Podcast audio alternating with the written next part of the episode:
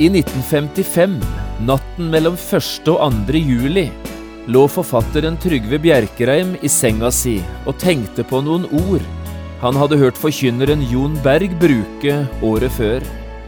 Fronten med dei falla hendene er den veldigaste stormakt i verda, hadde Berg sagt.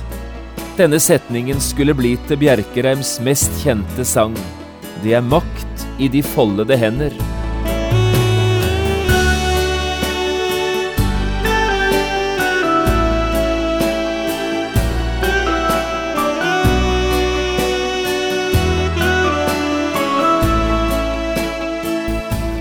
Hjertelig velkommen til et nytt program i serien Vindu mot livet. Programmet er produsert av Kristen Riksradio og blir ledet av Jon Hardang. Kristen Riksradio drives av frivillige gaver. Vi er glade for din støtte.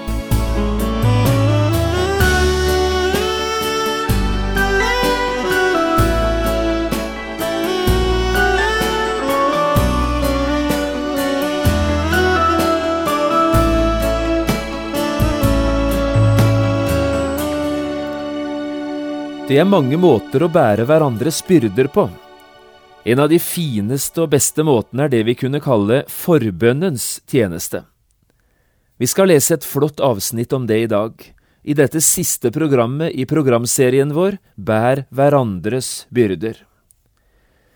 Vi finner fram første Timotius brev i Bibelen, i kapittel to, og skal lese vers én til fire. Jeg har kalt dagens program for Forbønn. Framfor alle ting formaner jeg derfor til at det blir gjort bønner, påkallelser, forbønner og takk for alle mennesker, for konger og for alle som er i høy stilling, så vi kan leve et stille og rolig liv i all gudsfrykt og ærbarhet. Dette er godt og til behag for Gud, vår frelser. Han som vil at alle mennesker skal bli frelst og komme til sannhetserkjennelse.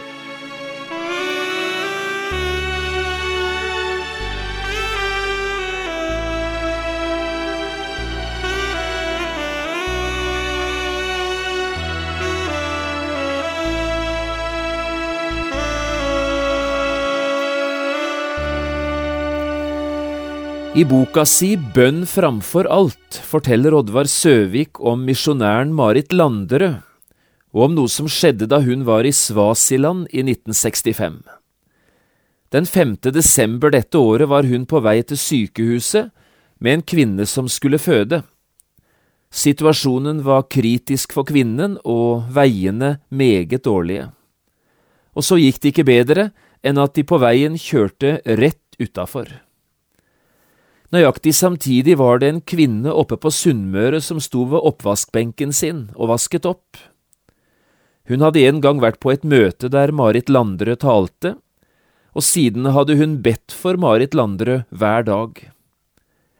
Der ved oppvaskbenken var det plutselig som om en stemme sa til henne, Nå må du be for Marit. Hun lot oppvasken være og la seg på kne på bønnestedet sitt, ved stolen på det grove tregulvet. Og mens hun ba, var det som hun fikk se to engler løfte Marit Landerud opp mellom seg. Dette synet gjorde kvinnen fra Sunnmøre ganske rolig.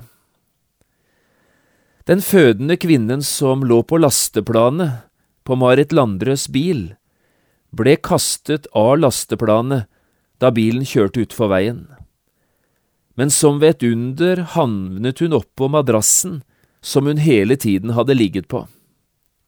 Bilen gjorde fire rundkast nedover den bratte skråningen, før den havnet helt nede ved elven og ble stående på hjulene.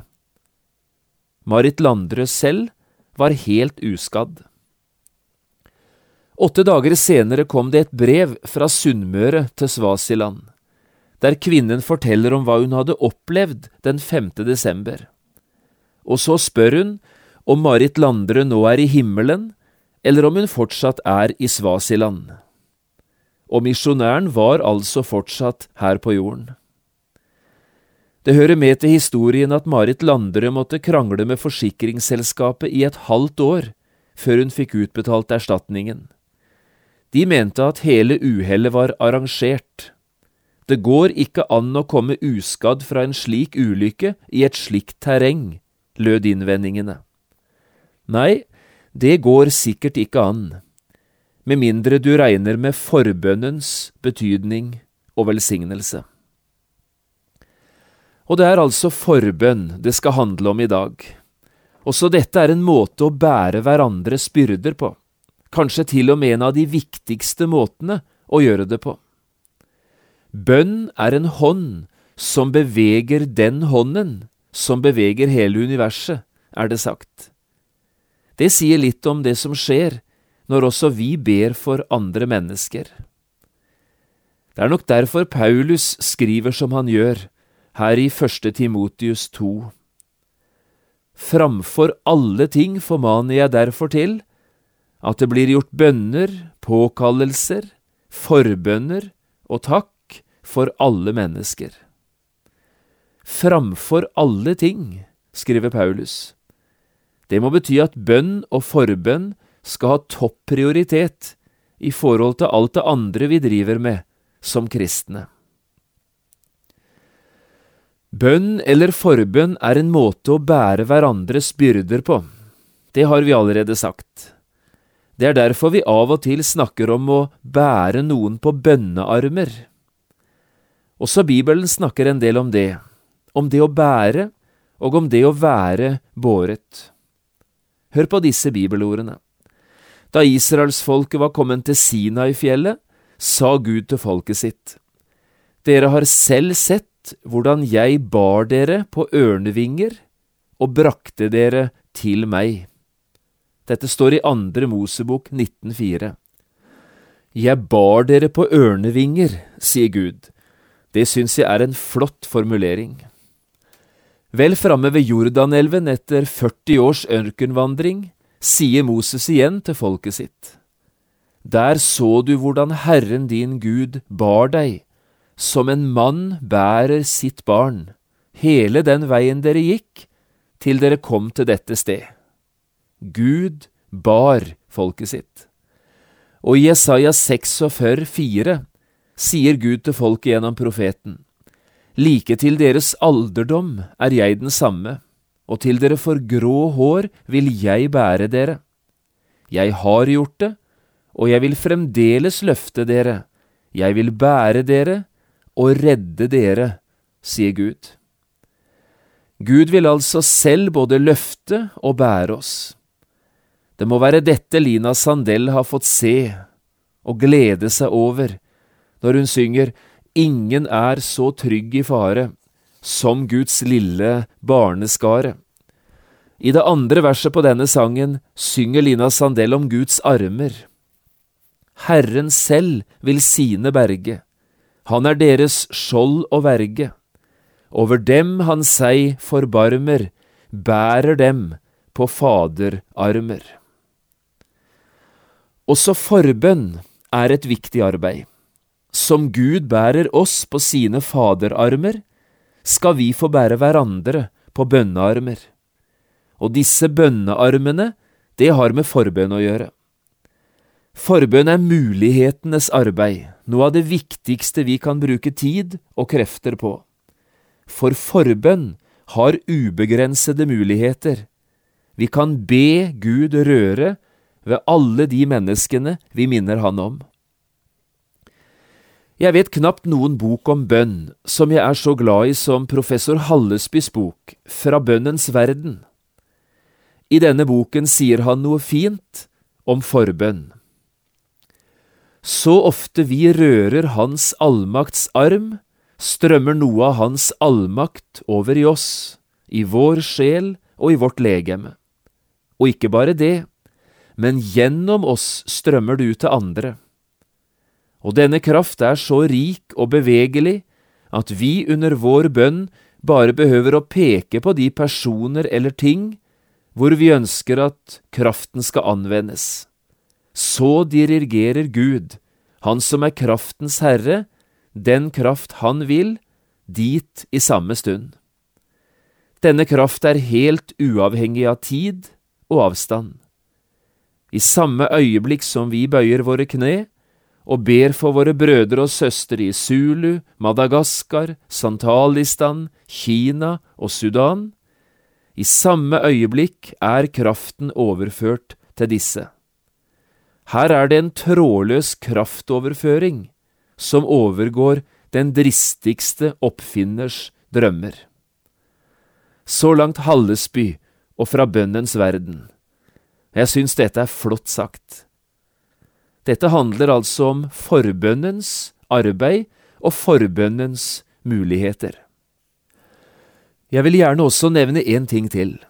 Jesus er din og min beste forbeder. Ingen har båret oss, bedt for oss og våket over oss, natt og dag, som Jesus har gjort det. Han ba for sine da han var på jorden, og han ber fortsatt for oss når han nå er i himmelen. Du husker hvordan Jesus ba da han var på jorden, gjør du ikke? Den siste kvelden han var sammen med sine, ba han for dem. Og ordene Jesus brukte den kvelden, fyller et helt kapittel i Bibelen, Johannes 17. Vi kaller det Jesu ypperste prestelige bønn. Og i Getsemane, ikke lenge før Peter skulle fornekte Jesus, da ser Jesus på sin kjære venn og sier, Simon, Simon, se, Satan krevde å få dere i sin makt for å sikte dere som hvete.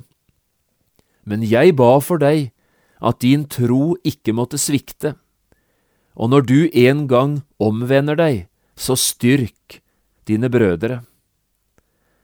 Til og med ute på Golgata, da Jesus egentlig burde hatt mer enn nok med seg selv, også da ber han for andre mennesker. Far, forlat dem, for de vet ikke hva de gjør. Slik ber Jesus, helt inn i døden.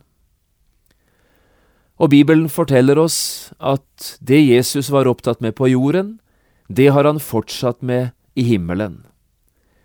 Vi har en talsmann hos Faderen, står det i første Johannes brev, kapittel to. Det betyr at vi har en forsvarsadvokat hos Gud, som taler vår sak hver dag i det himmelske. En herlig tanke. Derfor kan han også fullkomment frelse dem som kommer til Gud ved ham, da han alltid lever til å gå i forbønn for dem. Slik står det i Hebreerbrevet i kapittel syv. Fullkomment, det betyr her hele veien, helt fram, helt til det siste. Jesus tar vare på oss helt til vi er trygt framme i himmelen, nettopp gjennom sin forbønn.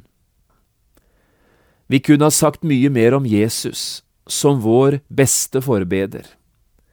Men nå spør vi i stedet, hva er det så vi som kristne kan være med å be om? Hvem er det vi skal be for? Dette må vi si noen ord om, for dette handler altså også om å bære hverandres byrder. Jeg har lyst til å peke på tre helt konkrete områder, blant mange andre ting som sikkert også kunne vært nevnt. Først noen ord om ufrelste barn og om ufrelst familie. Moses brukte en gang noen ord om sitt forhold til det folket som Gud hadde lagt han på hjertet, israelsfolket.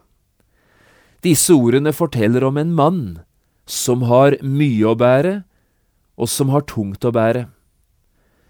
Israelittene hadde ikke oppført seg slik de skulle, verken i forholdet til Gud eller til Guds vilje. Og så står det i Fjerde Mosebok 11, fra vers 11. Da sa Moses til Herren, Hvorfor har du gjort så ille mot din tjener? Hvorfor har jeg ikke funnet nåde for dine øyne, siden du har lagt byrden av hele dette folket på meg? Har jeg unnfanget hele dette folket? Har jeg født det? siden du sier at jeg skal bære det i min favn, som ammen bærer et diende barn, helt til det landet du med ed har lovt deres fedre. Og så i vers 14, Jeg makter ikke å bære hele dette folket alene, det er for tungt for meg, sier Moses. Han kjente tyngden av israelittene, disse som var lagt på hans hjerte av Gud selv. På samme måten tror jeg noen hver av oss kan kjenne tyngden, også av våre barn, og særlig av dem som ser ut til ikke å ville ha med Gud å gjøre. I 1955, natten mellom 1. og 2. juli, lå forfatteren Trygve Bjerkreim i senga si uten å få sove.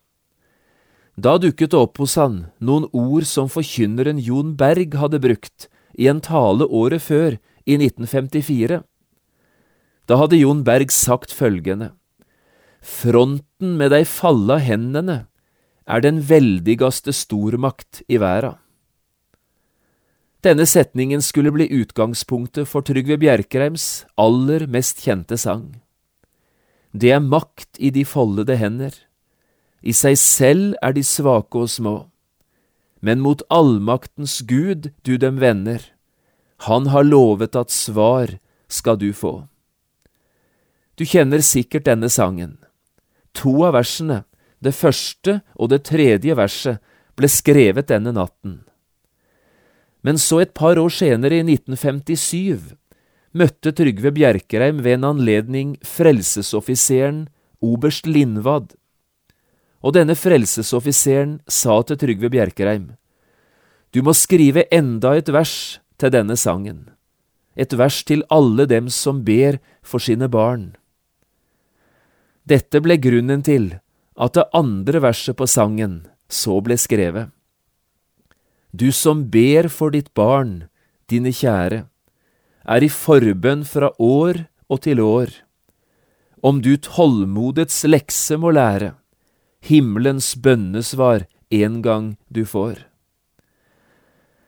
Jeg snakker sikkert til noen i dag som ber både for ufrelste barn og for ufrelst familie.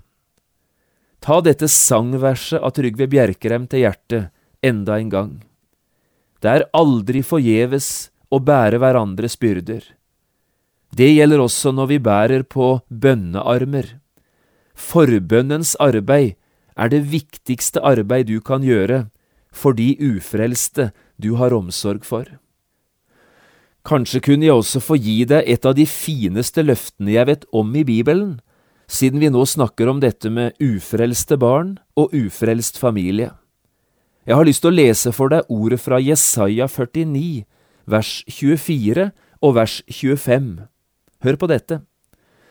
Kan vel noen ta hærfange fra en kjempe, eller kan fangene slippe fra dem som de med rette tilhører? Ja, for så sier Herren, både skal fangene bli tatt fra kjempen, og voldsmannens hærfang skal slippe unna. Jeg vil gå i rette med din motpart, og dine barn vil jeg frelse. Prøv å tro at slike ord også kan gjelde deg og dine barn. Her i første Timotius 2 nevner Paulus også et annet, helt konkret forbønnsevne. Framfor alle ting formaner jeg derfor til at det blir gjort bønner, påkallelser, forbønner og takk for alle mennesker. Og så kommer det, for konger og for alle som er i høy stilling, så vi kan leve et stille og rolig liv i all Guds frykt og ærbarhet. Øvrigheten er en ordning som Gud selv har innsatt. Øvrigheten er innsatt med makt og myndighet, og har fått del i et ansvar som Gud selv ønsket at noen i ethvert samfunn skal ha hånd om. De har selvsagt mye makt, men de har også stort ansvar, ikke minst med tanke på veivalg som skal gjøres, og beslutninger som skal tas. Og alt dette får jo i neste omgang konsekvenser for hvordan ditt og mitt liv blir, som alminnelige borgere i dette landet. Derfor skal vi be for øvrigheten vår, sier Paulus, for kongehus, for storting og for regjering. De trenger vår forbønn, og vi trenger det, vi som skal leve innenfor de rammene som øvrigheten til enhver tid legger, både for liv og for hverdag. Også på dette området har vi altså fått muligheter til å bære byrder sammen med. Og så til slutt. Vi skal be for alle som arbeider i Guds rike, og vi skal be at Gud sender nye arbeidere ut i arbeidet. Jesus sto en dag sammen med sine disipler og så folk omkring seg. Da står det å lese Matteus 9, 36–38. Da han så folket, fikk han inderlig medynk med dem, for de var herjet og forkomne som får uten hyrde. Da sa Jesus til sine disipler, Høsten er stor, men arbeiderne få. Be derfor høstens herre at han vil drive arbeidere ut til sin høst. Dette skal minne oss om to ting. Først, vi skal be for de arbeiderne som allerede er i tjeneste, slike som allerede i dag er opptatt med å bære byrdene sammen med noen. De trenger virkelig vår forbønn. Og videre, i forhold til den store høsten som skal i hus, så er antall arbeidere altfor lavt. Hvis det store Guds innhøstningsarbeid skal lykkes, må mange flere mennesker inn i tjenesten. Derfor skal vi også be Gud drive nye arbeidere ut i sin høst. Gud vil at alle mennesker skal bli frelst, skrev Paulus i 1. Timotius 2. Det er derfor vi fremfor alle ting også skal gjøre bønner, påkallelser, forbønner og takk for alle mennesker. Og så er det nesten litt skummelt å legge merke til at disse disiplene, som Jesus her ber om å begynne å be Gud drive arbeidere ut i sin høst, det var disse disiplene Jesus like etter sendte ut. Disiplene ble på en måte svaret på sine egne bønner.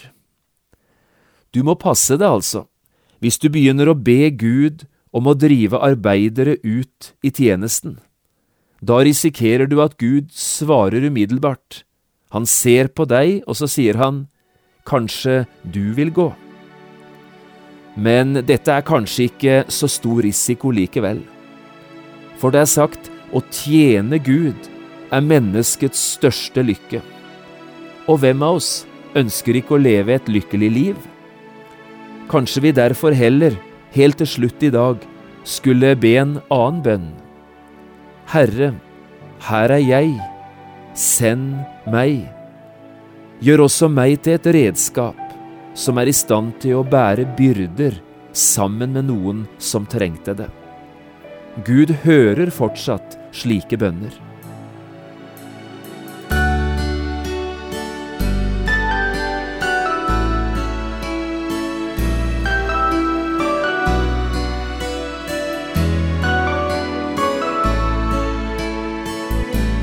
Du har lyttet til et program i serien Vindu mot livet med John Hardang. Programmene i denne serien kan også kjøpes på CD fra Kristen Riksradio, eller høres på internett på p7.no. Har du spørsmål eller kommentarer til det du nå har hørt, kan du ta kontakt med oss. Adressen er Kristen Riksradio, Skiene 2, 5353 Straume, eller send en e-post vml alfakrøll p7.no. Takk for i dag, og på gjenhør.